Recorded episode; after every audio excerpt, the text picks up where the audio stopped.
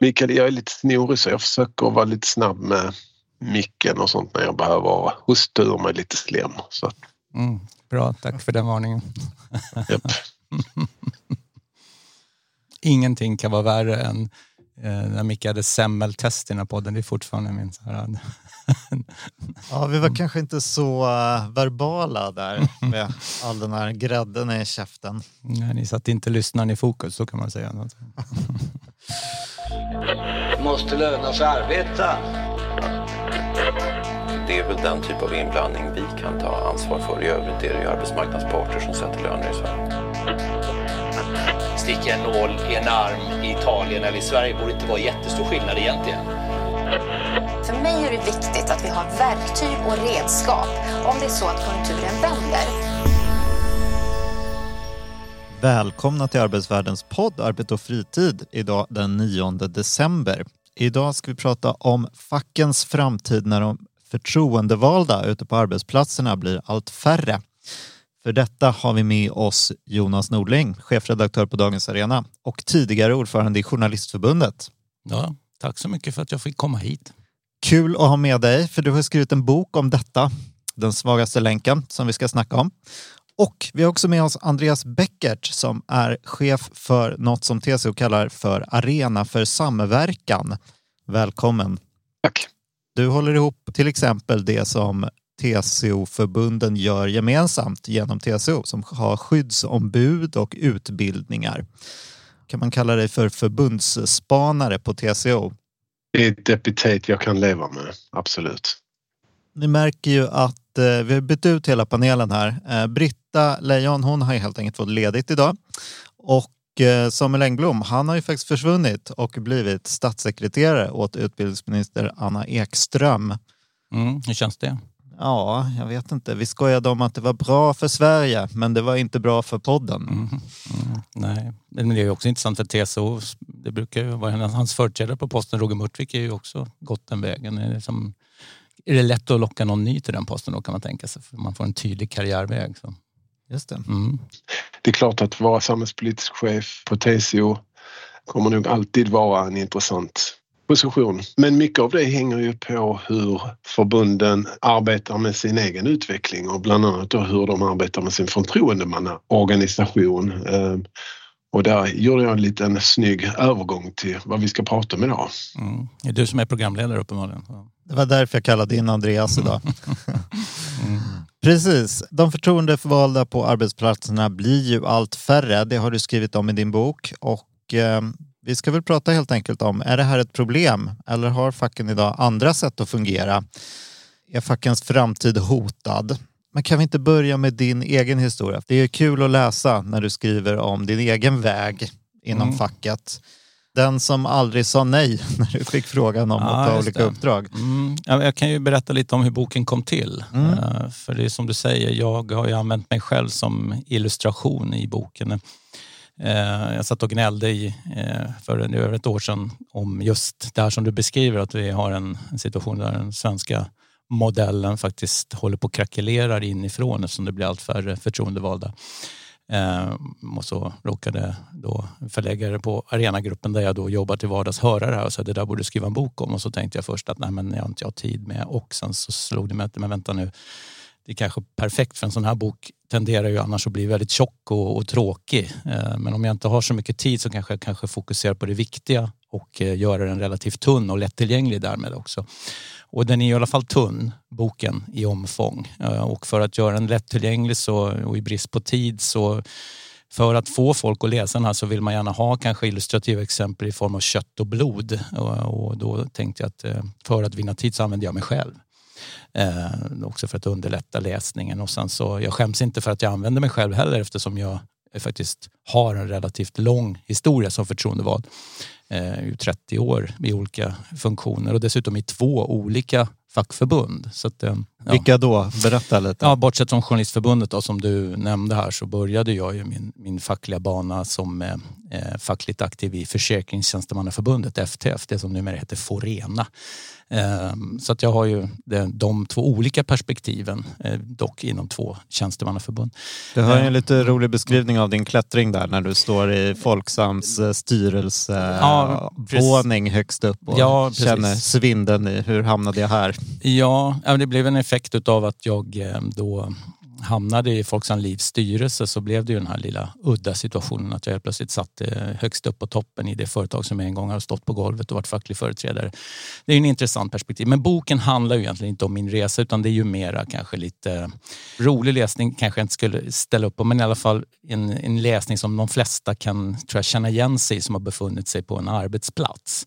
Eh, och det är lite också för att lyfta in alltså, dimensionerna, dilemman man brottas med som facklig förtroendevald, vad som ingår i den rollen. Men det jag framförallt vill visa med boken det är ju att eh, den svenska modellen, då, arbetsmarknadsmodellen som bygger på lokalt fackligt inflytande och närvaro av lokala fackliga företrädare i hög grad håller då på att eh, eh som på ett eller annat sätt falla samman på grund av att det finns väldigt få fackliga aktiva. Och jag eh, vi lyfter ju upp officiella siffror också här i boken som pekar på att det liksom är på en 30-årsperiod har försvunnit 100 000 förtroendevalda enligt statistiken. Då. Och då, dessutom så har vi en befolkningsökning under den perioden som gjort att menar, procentuellt så är det här en jätteminskning. Eh, och, och, boken är ju egentligen inte en, en, en, en, egentligen inte en brandskrift för att vi måste vinna tillbaka de förtroendevalda på på golvet, vi måste få mer fackligt förtroendevalda utan det är mer en, en, en tanke om att man kan faktiskt ifrågasätta eh, Okej, okay, nu är det så här. Eh. Om vi vill återvinna funktionen egen, som utifrån hur modellen är tänkt att fungera, då måste vi göra någonting. Eller så får vi gilla läget och göra någonting annat. Det är lite det som boken som åtminstone siktade på, att skapa en debatt och en diskussion. Därför är jag lite glad att vara här och prata mer om det. Mm. Men kan vi inte börja från uh, scratch verkligen för de som ja, är inte 1969 är så insatta. ja, men för de som inte är så insatta i det, liksom, i det fackliga, om vi nu har några sådana lyssnare. Vad gör en förtroendevald? Vad är en förtroendevald? Har det ändrats över tid? Det korta svaret, en förtroendevald är någon som är vald av sina kamrater eller i en förening eller en organisation att företräda dem på ett eller annat sätt. Då är man förtroendevald. Sen kan man ha en massa olika uppgifter. I en fackförening är många av de där uppgifterna eh, stadgebundna, att man ska ha olika funktioner. Det behöver inte vara så. Så väljs man på ett årsmöte och så ska man företräda sina eh, kamrater på ett eller annat sätt. Det är ju att vara förtroendevald. Eh, det är inget konstigare än så. Eh, sen så på många arbetsplatser så, så, så, det kan ju se helt olika ut beroende på hur arbetsplatsen ser ut också. Men eh, poängen med det jag försöker lyfta fram det är att grundtanken med hela svenska arbetsrätten är att man ska lösa eh, den liksom traditionella konflikten mellan arbete och kapital, motsättningen mellan arbetsgivare och löntagare så nära verkligheten som möjligt. Det är ju lokala lösningar som man eftersträvar. Eh, och det är ju det som, det finns ju förtroendevalda, det, hela det svenska civilsamhället bygger ju på förtroendevalda. Nu pratar jag bara om de fackligt aktiva. Det, det är liksom, även om många av de saker som jag lyfter upp säkerligen går att eh, applicera på andra organisationer också. Men i det här fallet handlar det ju om att bärarna av den svenska modellen på arbetsplatserna håller på att försvinna. Du skriver lite om hur den där tanken uppstod, att mm. det skulle vara lokal förankring. Mm. Vill du säga något om det?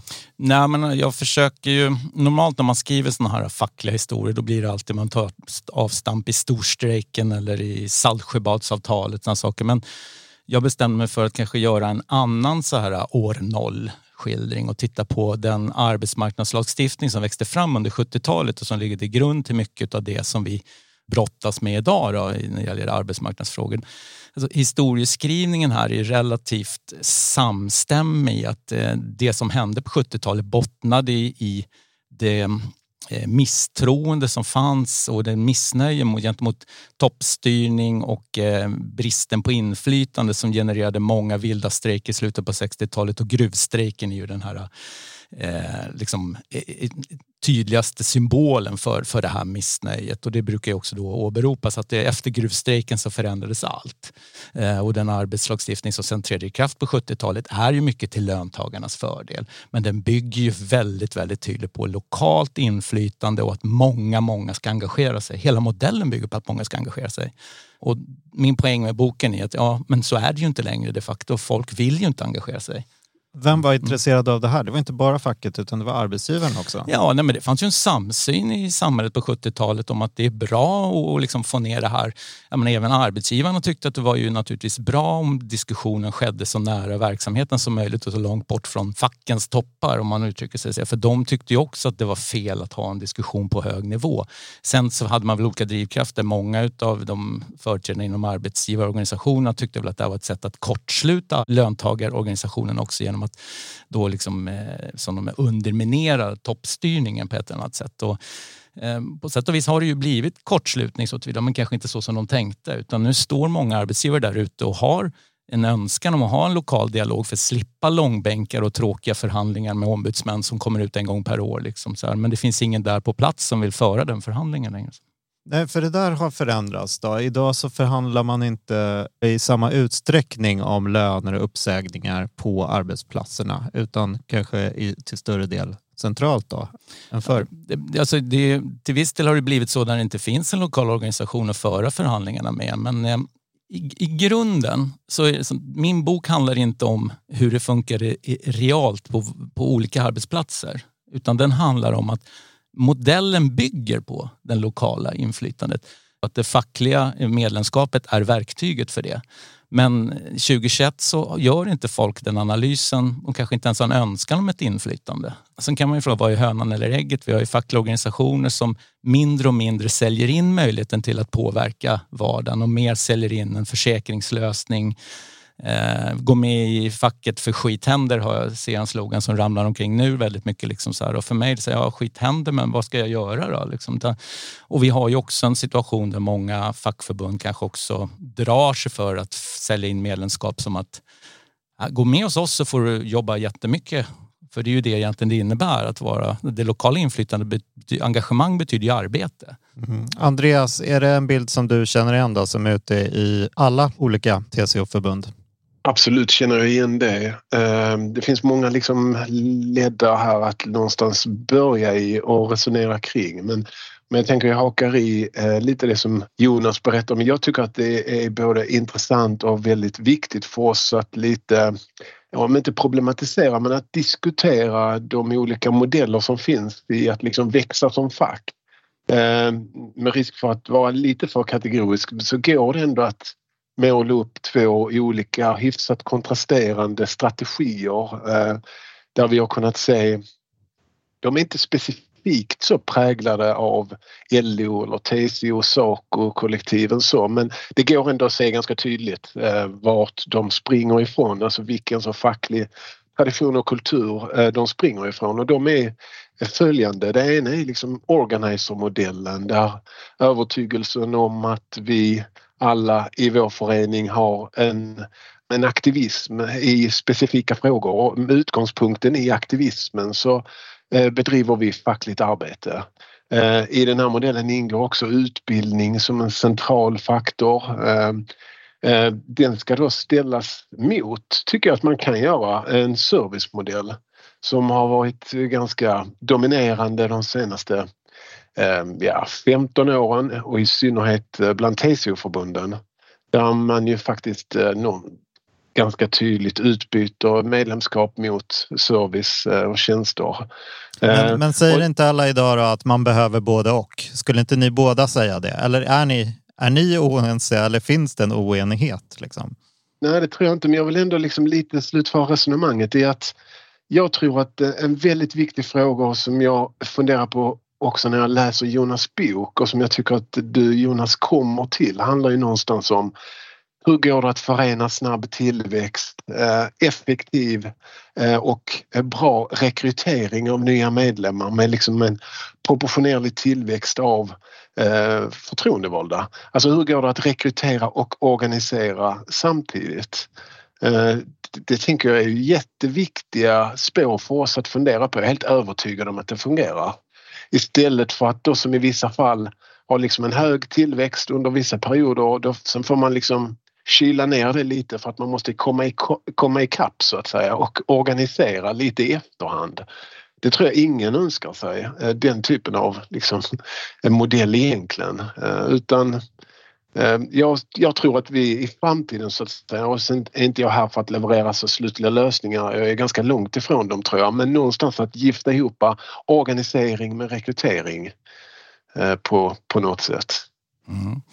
Alltså, som gammal försäkringstjänsteman är jag ju inte emot att man säljer in försäkringar i ett medlemskap. Det är ju tvärtom ett väldigt bra eh, erbjudande som man dessutom kan få väldigt prisvärt genom att man har en, ett kollektiv som man kan erbjuda då en eh, bra produkt ur det perspektivet. Det som uppstår problematiken det är när man säljer medlemskapet som en försäkring. Eh, för medlemskapet i sig alltså, om den svenska modellen så som jag beskriver den, det vill säga att den ska bygga på lokal fackligt inflytande och vilja om att kunna förändra i vardagen. Eh, om medlemskapet bygger på det så är min poäng att då har man inte riktigt från någon facklig, liksom, något fackligt förbund på, som på den senaste 20-årsperioden kanske riktigt förstått hur man i så fall ska sälja in uppdraget. Och det är det vi nu ser i de minskande antalet förtroendevalda. För att det det finns en, en, en total liksom, blind fläck i mycket av eh, eh, kommunikationen från fackförbund och arbetsgivare också om just förtroendevaldas roll. Eh, det blir ju lite tydligt när du vill börja med att vi ska förklara vad en förtroendevald gör. Du ställer den frågan. Och eh, det blir lite så här, eh, visst, jag kan ju börja förklara alla liksom, delar man gör i vardagen som fackligt förtroendevald men, men det är ju lite det är lite illustrativt att det finns inte i folks medvetande. Det är ungefär som om vi skulle prata om bilar och du ber mig berätta hur en bil fungerar. Att det, det skulle man ju inte göra. Nej. Men ändå så här, det här grundläggande för hela den svenska modellen, den ber du mig detaljerat förklara. Och där börjar lite problematiken. Ja, men jag tror mm. det är ju så i siffrorna att hälften av de fackligt anslutna mm. har ju ingen klubb på sin arbetsplats. Nej, nej. Det är där, lite därför jag ställer ja, frågan. Men jag fattar också. det, absolut. Men, men det är också när man börjar beskriva, ja men det innebär att alla problem och alla utmaningar som uppstår på din arbetsplats, de kan ni gemensamt diskutera tillsammans och sen går du som främsten av jämlikar, valde dina kamrater, till arbetsgivaren och för en dialog om. Det är, så att många som, som, det är inte många som ställs upp, oh, det där vill jag göra. Utan tvärtom, och det är därför man också tonar ner den rollen i all kommunikation från fackförbundet. Det är inte därför man ska bli medlem i fackförbundet, för att du ska kunna driva dina kamraters talan på golvet. Du jämför ju lite med Konsum. Ja, nej men alltså, jag, jag är ju egentligen i grunden en Alltså jag tror ju på kooperationen eh, och, och jag kan ju se hur många delar av kooperationen, konsumentkooperationen är ett jättebra exempel, de har tappat helt kopplingen till medlemmarna. Eh, liksom, vem ser skillnad på Coop och Ica idag? Så, eh, och det, är liksom ett, det kan man ju lära sig väldigt mycket av när, när man blir bara en i mängden, när man säljer i det här fallet då detaljvaror på liksom dagligvarubasis, precis som vem som helst. Men till slut blir det Alltså, vad är det fackliga medlemskapet om det inte är att man erbjuder lokalt engagemang? Ja, men då är det något annat istället. Och här är min poäng med boken. Jag värderar inte. Jag bara konstaterar att om vi vill bibehålla dagens arbetsrätt så som den är tänkt att fungera, då håller inte det här. Men... Hur gjorde ni på Journalistförbundet då när ni eh, sålde in facket som organiseringsmodellen? Ja, men det, ja, jag, jag, beskriver ju lite det också i boken. Jag har ju faktiskt haft många så olika roller i, genom åren. Så I ett år åkte jag ju runt och, och, och var en sån här organisatör på golvet. Och Framförallt var jag ju runt på ställen där var klubbar har somnat in och man kunde inte välja nya. Eh, och det där är ett helsike att försöka förklara liksom att ni måste ha en klubb och sen så frågar man så här, så säger varför då? Jo, därför att annars, då, då, och det jag brukar använda som argument, alltså för annars kommer det någon hit som absolut inte har någon koll på vad ni gör överhuvudtaget och bara bestämmer över huvudet på er gentemot, tillsammans med arbetsgivaren vad de tycker är skäligt. Och det är det ni ska undvika genom att organisera lokalt. Verktygen ligger där. Det är bara att plocka dem, men ni vill inte ta dem och det är dåligt ur, er, ur ert perspektiv. För, för förbundet spelar det ingen roll. Och det är det lite som håller på att hända nu. Det finns ju många förbund som det kan rulla på i evighet och det är nästan bättre om det inte finns lokala klubbar för de ställer till bara problem. De har åsikter och tankar om liksom utvecklingen. Det är ju toppstyrningen som är tillbaks igen. Den håller på att rulla ut på samma sätt som om man läser läggen från 60-talet så kan man se det är samma tongångar egentligen då som jag upplever borde vara nu. Men skillnaden är att det är ingen som tycker det är problem med toppstyrningen. Tvärtom, det är jätteskönt. Det är ju lite, du, du, tar ju exempel, du snackar ju med både Veronica Magnusson på Vision och med Martin Linder på Unionen. Mm. Eh, och jag tyckte det var lite intressant att eh, Veronica då som, ha, som inte verkar ha ett problem med särskilt få förtroendevalda utan det tickar på i, i bra nivå. Hon är inne på spåret att säga ja, det är, inte, det är inte självklart att vi måste basera, att det måste se ut som det alltid har gjort och det finns andra kommunikationsvägar idag och vi måste vara öppna. Liksom. Medan mm. Martin Linder som ju då, ja men de har väl gått ganska hårt på en servicemodell kan man väl säga. De har ju väldigt många medlemmar, har varit superduktiga på rekrytering men har nu halkat efter liksom i antalet förtroendevalda och mm. kör nu en stark drive och belyser liksom vikten av det här. Eh, så det är lite olika på förbunden. Ja men så är det, men sen är det viktigt att komma ihåg att menar, Vision och Unionen verkar i det är helt olika förutsättningar. Vision jobbar på en marknad där i princip det är 100 kollektivavtal. Eh, det är liksom, och de verkar i en miljö där liksom, även om de har låga organisationsgrader på vissa ställen så lägger man ihop alla liksom, folk är med i Kommunal, de är med i något Saco-förbund, liksom, så är ju den totala organisationsgraden rätt högt i Sveriges kommuner och regioner och liksom den världen som Vision organiserar. Medan alltså Unionen är ju ute och jagar liksom verkligen på svårarbetad mark. Eh, jag intervjuar ju inte Martin Linde för boken, men jag citerar en poddintervju jag gjorde med Martin. Däremot intervjuar jag för boken en, en en i, i, första linjen på Unionen som verkligen är ute och försöker organisera på de här då svårbearbetade arbetsplatserna. Och den intervjun tycker jag är väldigt talande för liksom hur de försöker lirka fram någon sorts engagemang. Men det är också väldigt tydligt att eh, alltså börjar man prata om hur mycket som krävs för att ha en lokal facklig verksamhet så jag menar, alla drar sig tillbaka. Ingen är intresserad. Det är väldigt intressant den intervjun faktiskt. Andreas, vad är, vad är dina reflektioner? Jag har ju lite svårt att eh, liksom någonstans smälta Jonas resonemang om att eh, en ökad toppstyrning skulle vara eh, så att säga eh, ja, mer praktiskt eller liksom någonting som förbunden ändå kan förlika sig med i sin strävan efter att på sitt sätt navigera framåt. Eh, alltså någonstans vill jag liksom lite skruva tillbaka till när nyheten om den här boken kom jag tror att alla som arbetar i eller runt eh, svensk fackföreningsrörelse har väntat på att den här diskussionen ska ta liksom en ja, men lite djupare form. TCO har under många år varit en, en, arena för förbunden att diskutera detta kring men det har framstått väldigt tydligt att det här är svår materia. Det, är, det berör väldigt många olika delar av vår, våra organisationer. Det är också någonting som, och det, det synliggörs tydligt i, eller illustreras tydligt i boken också, att eh, det är en materia som är eh, ganska svår att skruva på så sätt att det finns liksom inga enkla lösningar. Det är bundet till branscher och sektorer och så på ett sånt sätt.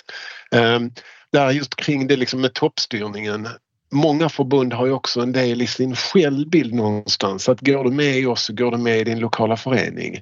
Och jag tror att med det som utgångspunkt har det varit väldigt smärtsamt att se den eh, de facto liksom minskning och ganska stora minskningar av förtroendevalda som har skett de senaste åren. Och därför genomför man också en rad olika eh, åtgärder och man lägger en massa resurser på det. Men eh, jag är inte helt trygg i att det skulle lösa det utan jag tror snarare liksom att vi behöver ha en idéutveckling kring den här frågan som jag upplever i alla fall saknas idag och som jag ser att den här boken kan vara en del av. Eh, så. En sak som jag lyfter upp, apropå det är klart det finns inga snabba lösningar eh, och det här är också, alltså det som har hänt har ju inte heller skett över en natt utan det är ju det pekar på den stora minskningen är ju sett ur ett 30-årsperspektiv. Men det är klart man kan ju vända tillbaka och försöka se ja, men hur kan vi få tillbaka skutan åt ett annat håll då om 30 år? Vad, vad bör man börja med i den mån man vill det? Och återigen, jag har ingen åsikt om det är dit man ska.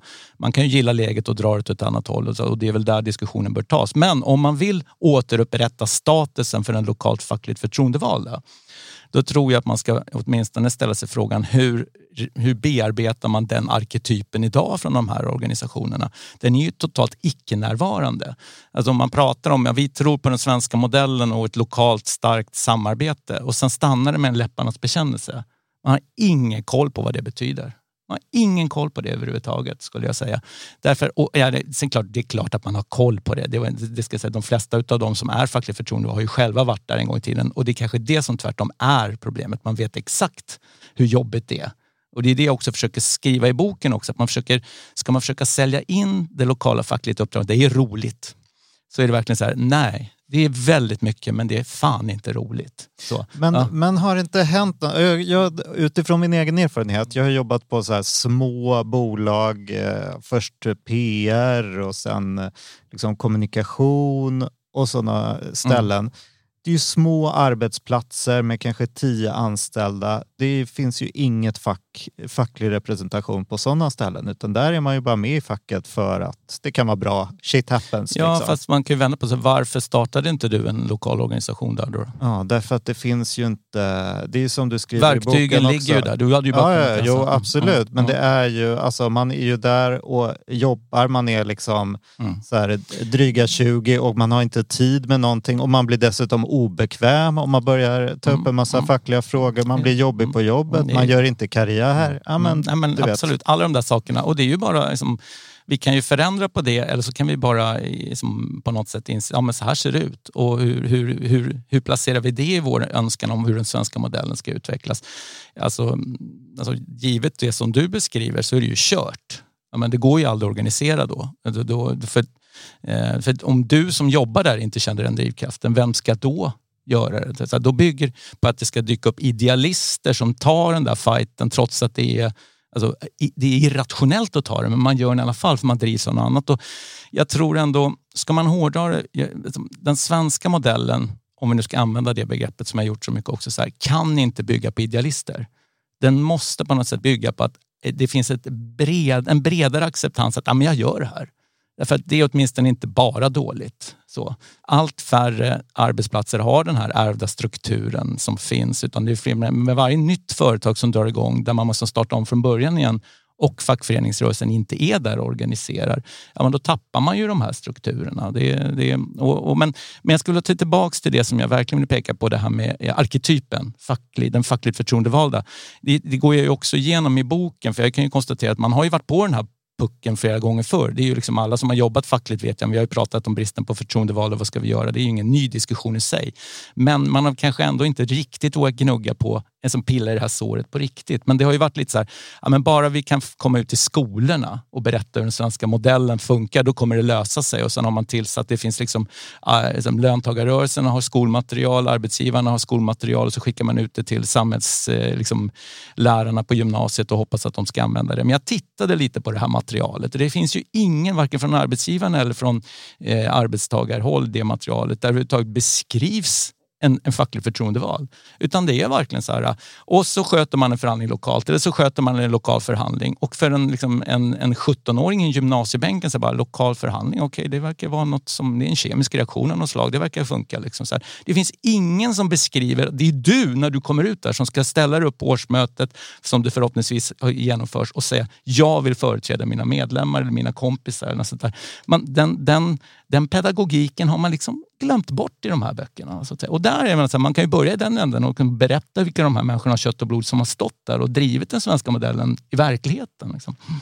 Andreas, känner du igen bilden?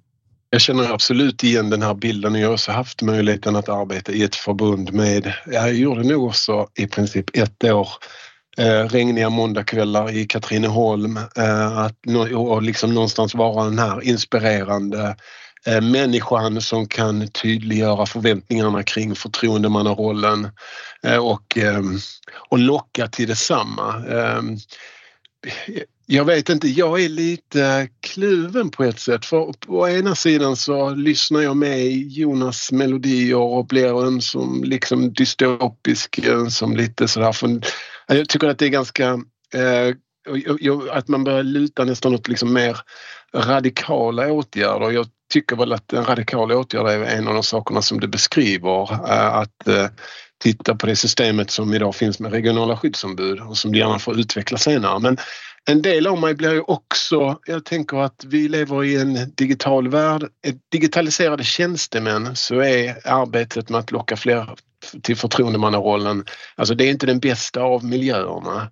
Och det pratas ju en, ganska mycket i din bok Jonas just om det. Jag tror det var Anders Kjellberg som är inne på det. Just det här personliga mötet och att liksom ha den här närheten till varandra, snacket eh, som kittar oss samman. Ehm, men å andra sidan så funderar jag på, och det finns ett par internationella exempel som är intressanta, att, att förse nya på jobbet, nya i vår förening, eh, att locka till förtroendemannarollen genom att liksom förse dem med digitala verktyg. Digitala verktyg som gör delar av den här eh, Eh, att göra-listan från förtroendevald ganska behändig ändå, alltså att man underlättar det åtminstone. Ehm, att förmedla information, på den tiden när jag var förtroendevald på en statlig myndighet så var ju det som upptog 95 procent av den tiden jag la. Det skulle kunna göras, eller det görs idag i ganska stor utsträckning med digitala verktyg och gör ganska smidigt. Ehm, men vi måste komma längre, jag vill liksom återkomma lite till det att eh, innan vi hoppar på någonstans liksom framtiden och lösningar att vi måste idéutvecklas tycker jag kring det. Vilka delar är det i förtroendemannarollen som vi verkligen kan utveckla och som vi kan identifiera som stopp stoppklossar för ganska många. Du pratar mycket Jonas i boken om relationen, attityden från arbetsgivare. Det är uppenbart ett jättestort problem. Sen ska vi inte komma ihåg idén om hela den svenska modellen. Fråga många arbetsgivare eh, om eh, hur, hur ditt arbete och din vardag skulle se ut i din position utan en lokalt facklig företrädare. Där du måste ta allting en omväg via eh, förbundet så att säga. Det är ju inte önskvärt. Eh, och den, det perspektivet, ibland funderar jag på att vi lever liksom i ett narrativ idag där det ska vara väldigt polariserat. Om nya chefer kanske får lära sig att facket är någonting man inte ska gilla men i verkligheten är det ganska praktiskt även för arbetsgivare. Det jag tar upp i boken är ju klart, det är många som återkommer kring det att arbetsgivaren också måste dra sitt strå till stacken för att hålla liv i den svenska modellen och det är väl svårt att säga emot det. Men det jag försöker lyfta upp och säga i boken också, men det kan inte vara hela svaret för en löntagarrörelse. Att man ska lita sig på att arbetsgivaren, om de skärper sig så kommer allting fixa sig. Det är klart att det är bra om man kan markera att det är, en, det är inte en eh, återvändsgränd karriärmässigt att engagera sig fackligt. Det kan man ju hoppas att arbetsgivarna ser att det finns fördelar. Man kan markera att det tvärtom är någonting som man ser positivt på. Men du tog upp det här med, du beskrev att jag eh, hade använt det här epitetet problemlösare. Mm. Som, som definition på fackligt förtroendeval. Och det är inget som jag kommit på utan det är ju någonting som jag snott av Susanne Köpsén som har gjort en diger avhandling på fackligt arbete på en, en, en, en en industri i en mindre svensk stad och där var det ju ett, ett, ett LO-förbund och den lokala klubben där och deras liksom olika processer. Den boken är väldigt läsvärd framförallt för den som kanske verkligen vill fördjupa sig i fackligt lokalt arbete. Men där återkommer hon ju till just att hon definierar ju lokalt fackligt arbete som just problemlösning och jag gillade verkligen den definitionen. För att, eh, tillbaks igen till det här med, med klyschor om varför man ska engagera sig fackligt, man ska ha inflytande, eller det är roligt och alla sådana saker som, som vi har svängt oss med. Men, jag tror att, men att, att vilja vara problemlösare tror jag ändå, så här, det vill man väl vara. Alltså, alla vill ha det, liksom känslan av att ja, man har problem, gå till Maggan, hon löser det. Liksom, så här. Och det, det, är liksom, det, det narrativet kan jag ändå tilltalas av och det är därför jag också försöker liksom sno det. Även om jag liksom creddar Susanne Köpsén för det är ju verkligen hon som har liksom dragit den analysen. Liksom, eh, så att det, blev, det, blev, jag blev, det, det var klarsynt helt enkelt. Mm.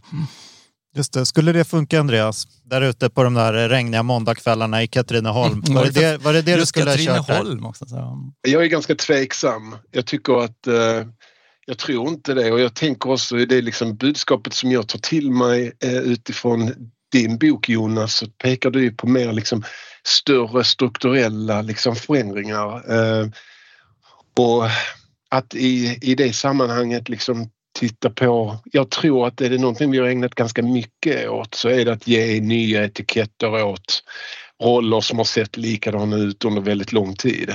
Så det är liksom inte en ny etikett eller en ny beskrivning så pitch eh, för uppdraget som, som jag känner eh, vi ska liksom komma fram till utan snarare att eh, jobba ihop, eh, vad ingår i rollen, vad är det som många upplever som vad, är det som, vad var det som utgjorde den tröskeln för dig Mikael när du satt på byrån och kanske då funderade över, vilket du kanske inte gjorde, men om vi skulle ponera att du funderade på om du skulle starta en, en, en lokal förening. Eh, vilka delar var det i förtroendemannauppdraget som du kände att det där klarar jag inte av? Eh, det lockar inte överhuvudtaget. Eh, var det relationen till arbetsgivaren? Jag håller med dig Jonas om att det är ett ganska passivt förhållningssätt men det är om igen en beståndsdel som alltid dyker upp i sådana här diskussioner. Eh, jag vill satsa på min karriär. Så eh, att ha något sånt där jag överhuvudtaget bara riskerar att komma i, liksom, på kant med min arbetsgivare eller min chef är inte intressant. Ja, men eh, just att liksom dissekera lite de faktorerna.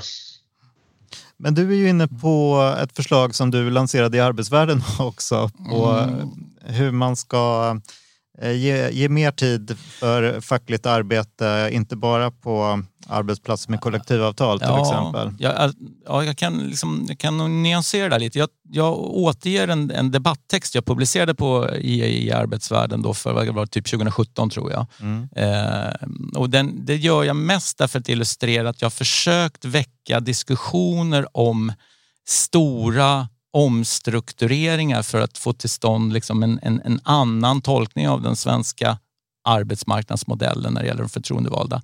Och den, den byggde på att dels peka på att kollektivavtal, alltså att eh, förtroendemannalagen bara gäller på företag med kollektivavtal, vilket ställer till det naturligtvis om man vill bedriva fackligt arbete utanför det. Det finns en grund till varför det ser ut så naturligtvis, men jag försökte utmana den. Och dessutom försökte jag peka på att många nu är egenanställda eller egenföretagare och att ha, men ändå i ett underläge gentemot beställare och det är en grupp som facket borde på ett eller annat sätt kunna plocka in och representera på ett bättre sätt och att det skulle krävas eh, lagförändringar för att det ska kunna ske på ett bättre sätt. Det där lyfte jag upp mest för att vitalisera en diskussion som jag tyckte behövdes i tjänstemannarörelsen i allmänhet och kanske ja, i vissa förbund i synnerhet. Och, och, och, att jag tog den och återgav in extensio här i boken också då, eh, i och var ju för att visa att det var ju ingen ingen diskussion alls. Jag menar, du, du, var ju redaktör då. Det var ju ingen som kommenterade den en gång. Det bara liksom, och då kan man ju säga, när någonting för, som bara passerar tystnad, då vet man ju att antingen är det ingen som har läst, men det tror jag inte. Det är väl mer så folk så här, gud pinsamt, vi snackar inte om det. Liksom, så att det, det var så varför, varför kände man så? Då? Nej, jag pinsamt. vet inte, men, men det är väl alltid så här, nu ska jag inte ta på mig profetrocken här i sig, men jag noterar nu när folk läser boken så är det flera, alltså ska jag säga, eh, alltså, rätt eh, respektingivande personer som kontaktar mig nu. Den där missade jag. Eh, gud vilken intressant ingång. Den var nog, men jag ska väl säga ändå så här, lite för tidig. Lite för tidig. Liksom. Och ibland får man liksom veva ut en sån där. För det som jag skriver också, det var ju tokiga idéer. Men de tokiga idéerna hade ändå en grund. Det fanns en problembild som folk ändå måste diskutera. Och om de var tokiga då måste man komma med något bättre förslag. Eh, och det kanske var där skon klämde. Liksom folk var så okej, okay, mm, det där borde vi nog prata om men jag har fan ingenting att komma med. Men du är också så, inne ja, lite på mm. att folk kanske tyckte det var jobbigt för att eh, om man lyfter en, en förtroendemannalagen mm. och på ett offensivt mm. sätt så, mm. kom, så kommer den skjutas ner och, och av, någon an, av någon politisk motståndare ja, men, som, vill, som vill förhindra ja, men, den och det, med, mindre med, utsträckt. Och, och det, blir ju liksom, det är ju helt rätt att säga ingen vill väl prata om arbetsrätt i dessa dagar för så fort man lyfter den så, så det blir ju bara försvarsstrider. Det kommer ju inte vara några, några framsteg överhuvudtaget. Det är ju bara att konstatera de senaste åren liksom, med konflikträtten och LAS-frågan och allting. Liksom. Så, det, så det är ju rimligt att liksom, vi pratar inte om någonting men i slutändan så är det en, det är en hållning som kan fungera för att vinna ett slag, men man vinner ju inte ett krig om man ska liksom hårdra utan då är det ju kört. Liksom så här, stenen, som, den som rullades upp på 70-talet, den rullar ju bara bakåt och bakåt hela tiden. Så man måste ju hitta nya fronter. Är det så, är det regionala skyddsombud som Andreas tog upp här, det är ju en annan sån aspekt som man möjligtvis, där blir man ju också väldigt passiv. Man värnar om de här pengarna som går till förbunden så att man kan fortsätta skicka ut liksom, eh, statligt avlönade regionala skyddsombud på, på arbetsplatser där man inte har någon liksom, vettig arbetsmiljöorganisation. Och då kan man ju vända sig det är väl bra att få pengar i sig men det är ju ändå ett tecken på att man inte har lyckats med det man borde göra. Eh, så, att, så, att, så det, det, finns många saker där man kanske skulle ha en lite mer offensiv hållning och inte bara framstå som att man bara har försvarsinställningar. Skicka den pucken vidare till Andreas då. Är det för passivt i facket?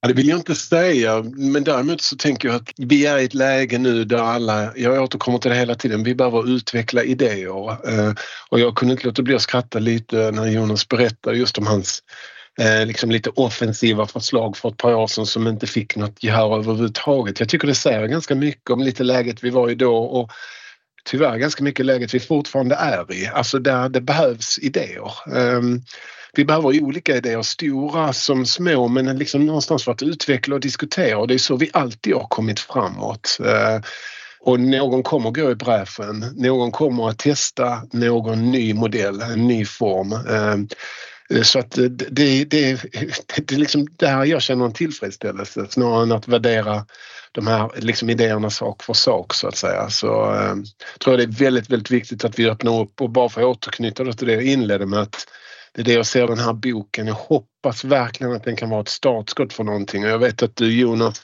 försvarade bokens kanske något begränsade omfång med att du ville få en spridning av den och det hoppas jag att du lyckas med. Men jag skulle också vilja se fler tegelstenar på området eh, för det behövs och det här är inte en liksom en, en fråga som är specifik till en speciell bransch eller ett förbund eller en, inte ens en central organisation utan detta är någonting för hela svensk fackföreningsrörelse att verkligen diskutera och utvecklas kring. Andreas, du kanske ska skriva en bok? Jag tror nog det faktiskt. Jag får göra en uppföljare. Bra, då ses, nej, men, nej, vi, jag... ses vi i podden om ett år och snackar om den alltså precis. Jag ska bara söka tjänstledigt först. Men, eh, nej, men jag vill verkligen eh, betona det och sen finns det så många olika bottnar i den här diskussionen också. Alltså just kring, och det har gjorts forskning kring det, drivkrafter, eh, former för engagemang och jag tror att vi alla som har varit i närheten av det under de senaste åren bör väl långsamt men säkert så totalt tröttna på de här olika etiketterna som sätts Eh, den värsta formen är väl när man klumpar ihop olika generationer till tre stycken liksom kriterium som alla ska appellera kring. Det håller inte, det funkar inte, vi vet om det. Det går inte att kategorisera åldersgrupper eller andra på det sättet. Men därmed så tycker jag ändå vi ska ställa oss frågan har förtroendemannarollen utvecklats i i den takt som faktiskt drivkrafter och intresset för olika former för engagemang har utvecklats. Och här behöver man inte vara någon liksom självkritisk tjänsteman för att uh, stämma in att uh, där ligger vi ganska långt bak. Uh, och det är väl liksom en efterlysning någonstans att kan vi sätta rollen under lupp och liksom lite också samtidigt studera hur ser drivkrafterna ut? Jonas, du ger inte mycket för altruismen men det, är jo, ju det gör liksom- jag, men, men jag tycker inte att man ska bygga kanske på tanken om att det ska finnas altruister där ute som håller uppe den svenska modellen utan det måste också finnas en, en, en bred bas som har andra drivkrafter än den. Mm. Men jag kan inte låta bli ändå att tänka att eh, det är den typen av drivkraft som toppar eh, listorna så att säga när ja, man tittar på engagemang. Ja, det där är intressant. Jag såg att Futuren hade en sån rapport här nyligen också. Men, och det är lite därför jag också lyfter in mig själv. Det här har ju varit lite en terapeutisk sorgeresa för mig också där jag verkligen har för varje nytt uppdrag som jag har tackat ja till eller liksom hamnat i så har jag ändå försökt nu i efterhand så här, eh, titta på vad var mina egentliga drivkrafter. Och det här tror jag är viktigt att komma på, att, eller inse att Visst, folk kan ju tycka att jag gör det här för att jag vill vara en bra människa, men, men, men alltså alla eh, antropologer vet att det intressanta är inte vad folk säger att de gör utan varför de gör det i verkligheten. Så att säga. Det, är, det är ju de, de egentliga drivkrafterna som, som, som avgör. Eh, och jag tror att man tittar på det, det är klart att om jag får frågan varför jobbar du fackligt? Ja, men därför att jag vill göra någonting bra eller att man säger något som låter fint och det altruistiska svaret är alltid det lättaste att ge. Men, men gnuggar du lite på drivkrafterna så tror jag att det kommer, men det måste kombineras med egen nytta. Eh, det, det, det, går att kombinera, men jag tror att om du står mellan, gör jag det av eh, idealistiska eller egennyttiga skäl, om det bara är de två storheterna man har att välja mellan, då kommer egennyttan alltid gå före. Eh, det, det är så fungerar vi människor och sen kommer vi inte vilja erkänna det i alla stunder men det är lite där vi måste faktiskt inse att det är det den svenska modellen handlar om. Det måste finnas lite större eh, balans åt egen nytta för att folk ska börja ta de här uppdragen igen. Det är inte svårare än så. Så fungerar vi människor. Jaha, Det låter ju som att den här diskussionen som Andreas eh, efterlyste vi har kommit igång. vi får se hur vi tar det vidare ja, men sen, ja, och det är som ja, sagt, det, ja, ja. Jag tänkte bara säga, men det finns ju också ett annat spår i boken. Så att säga. Och det, det är klart, grunden är ju, precis som Andreas säger, jag hoppas ju verkligen att folk börjar prata om det här ute. Liksom att den är, den är lättläst och kort så att man läser den snabbt och folk kan snacka om sig. Vad fan är det som står här egentligen? Och vill man komma i kontakt med mig så, för jag kommer gärna ut och prata om de här sakerna också naturligtvis. För att det är väldigt, det tror jag ytterligare kanske intressant att få igång en diskussion utifrån det som, som jag har varit med om och sådana saker. Men det är framförallt också lyfter in, det är ju att jag försöker också måla upp vad som kommer hända om vi inte lyckas vända på det här. För då kommer vi få en helt annan diskussion om arbetsrätten. Om det inte finns folk ute i vardagen som på ett annat sätt ska fortsätta upprätthålla den svenska arbetsmarknadsmodellen, då kommer man komma till en diskussion om mer detaljstyrd reglering via lag. Man kommer öppna upp för ännu mer populistiska diskussioner från både höger och vänster och det kommer inte gynna eh, arbetsgivarna, det kommer inte gynna de som tror på dagens arbetsmarknadsmodell, men det är där vi kommer hamna. Är du uh, pessimist, låter det som? Nej, jag är realist. Det, är liksom så här, det finns vägval, det finns det alltid. Liksom. Men man måste också hela tiden säga så här, om vi väljer den här vägen, vad är målet? Helt enkelt. Så och det, jag, jag, kunde inte låta bli att använda ett skönt buzzword, alltså, att jag, jag egentligen illustrerar min egen resa som, som agilt tänkande. Så det är ju ett sånt skönt ord nu för tiden. Men, men egentligen så är det ju det det handlar om. Det, kan, det här kan ta vägen vart som helst, men man måste också rent agilt se efter vad, vad kommer då arbetstagarna hamna i det här? Liksom så här. Det, det, egentligen ligger ju facit framför. Alla vet vad som kommer hända. Och det går också att förändra det om man vill att det inte ska gå åt det ena eller andra hållet. Så det, är inte, det, det fina i det här är att vi lever i en demokrati och ett öppet samhälle där vi äger egentligen verktygen helt och hållet själv. Vi kan fixa det här om vi vill. Sluta på en uh, positiv ton då, då. Alltid.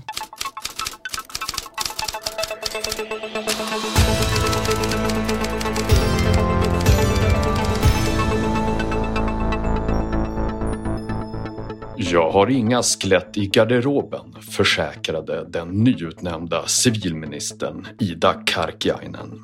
Nu har en uniform i storlek 140 samt detaljerade planer på ett fälttåg mot Polen påträffats i civilministerns gamla flickrum i Haparanda.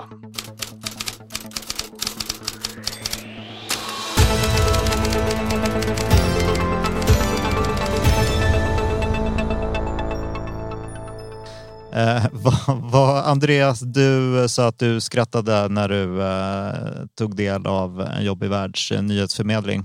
Ja, jag kan ju råda er att eh, inte läsa den när ni samtidigt sitter på ett möte, eh, vilket jag råkade göra. Eh, jag tyckte den var fantastiskt rolig. Eh, den sätter ljuset, eh, nu är det kanske inte just den texten i sig, men den händelsen sätter ljuset på ett, en problematik på den, den politiska arenan så att säga. Eh, jag tror det är ganska befogat att ställa sig själv frågan, för den knyter ju an till rollen som förtroendevald. Ehm, till vem är, de, är den rollen för? Ehm, och hur kan sånt här påverka utsikterna att faktiskt eh, locka till sig engagemang och nu, inom den politiska arenan? Vad tänker du om själva den här eh, kopplingen då? Är det trams eller finns det någonting där som faktiskt kan påverka förtroendet? Det tror jag inte. Jag tror att eh, gemene man upplever att det kanske är det motsatta som har varit den stora utmaningen. Att man upplever att många politiker har fjärmat sig och är människor som de inte riktigt känner sig igen i. Eh, så jag tror att reaktionen nu gör jag en väldigt svepande analys så att säga men min känsla är absolut att det är snarare det motsatta att man man upplever att eh, det är det sådana här superodödliga eh, människor som vi ska ha på de här posterna så kommer ju ingen någonsin att lockas till sådana uppdrag eller det kommer inte ens stå att finna några. Ja, vad tänkte du då Jonas? Det, det finns för knappt någon vinkel kvar att prata om den här äh, grejen som har liksom tagit över nyhetsdiskussionen den här veckan. Och jag, alltså, utan att lägga någon värdering om, om det är bra eller dåligt som vi konstaterar att jag menar, återigen så ramlar sakfrågorna bort och så blir det såna här värderingsfrågor, personrelaterade frågor. Så det, jag vet inte, det som i mina ögon var mest alltså, material för satir den här veckan var väl annars liksom Liberalernas extremt stressade liksom, kring slutförvaret av kärnavfallet. Det var så här, man skulle kunna ha gjort en, en parodi på liksom att nu kräver Liberalerna, vi måste få veta vem som mördade Bockstensmannen. Det är viktigt, vi har väntat så länge. Vi måste, det var liksom så här, Alltså, slutförvaret av kärnavfallet, det, det är så absurt hela den diskussionen i sig och har varit i ja, men allt sedan 50-talet. Har vi liksom, liksom, och helt plötsligt så tror ett, ett parti att den där saken ska lösa sig bara vi har fått en ny miljöminister.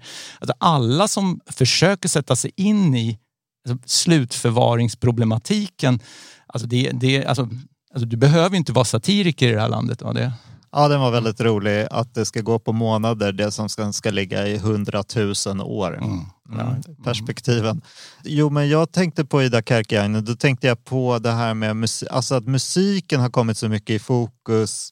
Att plötsligt har vi börjat lyssna på låttexter, liksom, både på gangsterrap och på på sån här svensk eh, nationalist-metal eller vad man nu ska säga. Alltså det har ju sett som en pås. Det har ju setts bara som en pås mm. och så plötsligt så börjar man tänka så här, åh men är det på riktigt eller finns det någonting där som faktiskt kan påverka folk i olika riktningar och så vidare. Jag tyckte att det var lite samma, samma grej liksom. Andreas, du vinkade.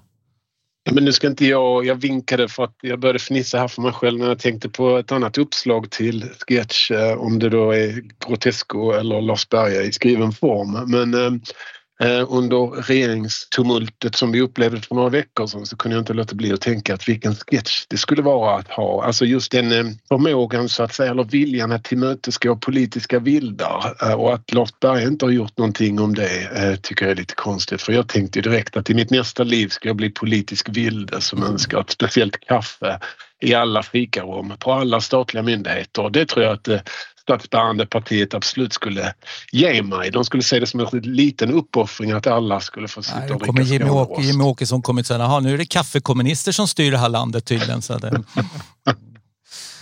Bra hörni. Uh, stort tack att du var med Jonas och snackade om boken. Man, man, får plocka upp den också, Den svagaste länken. Och Andreas, kul att uh, ha med dig i podden. Du har lovat att återkomma uh, snart när du har skrivit din bok. Tack. Och Eh, då så, det väl, återstår väl bara att säga eh, tack till Anders Ljung också som klipper podden och att man som lyssnare förstås ska prenumerera så man inte missar några avsnitt. Dessutom eh, läsa Arbetsvärlden och på det sättet följa och kommentera vad vi gör i podden och skicka in olika uppslag. Det har faktiskt kommit några stycken. Det är vi väldigt eh, glada över. Vi får se om vi använder dem här framöver. Tack ska ni ha hörni. Och eh, vi ser, vi, det är faktiskt oklart när vi ses igen. Eh, men eh, vi tar nog jullov nu och så ses vi i januari tror jag. Ha det bra tills dess alla lyssnare. Hej hej. Hej hej. Hej.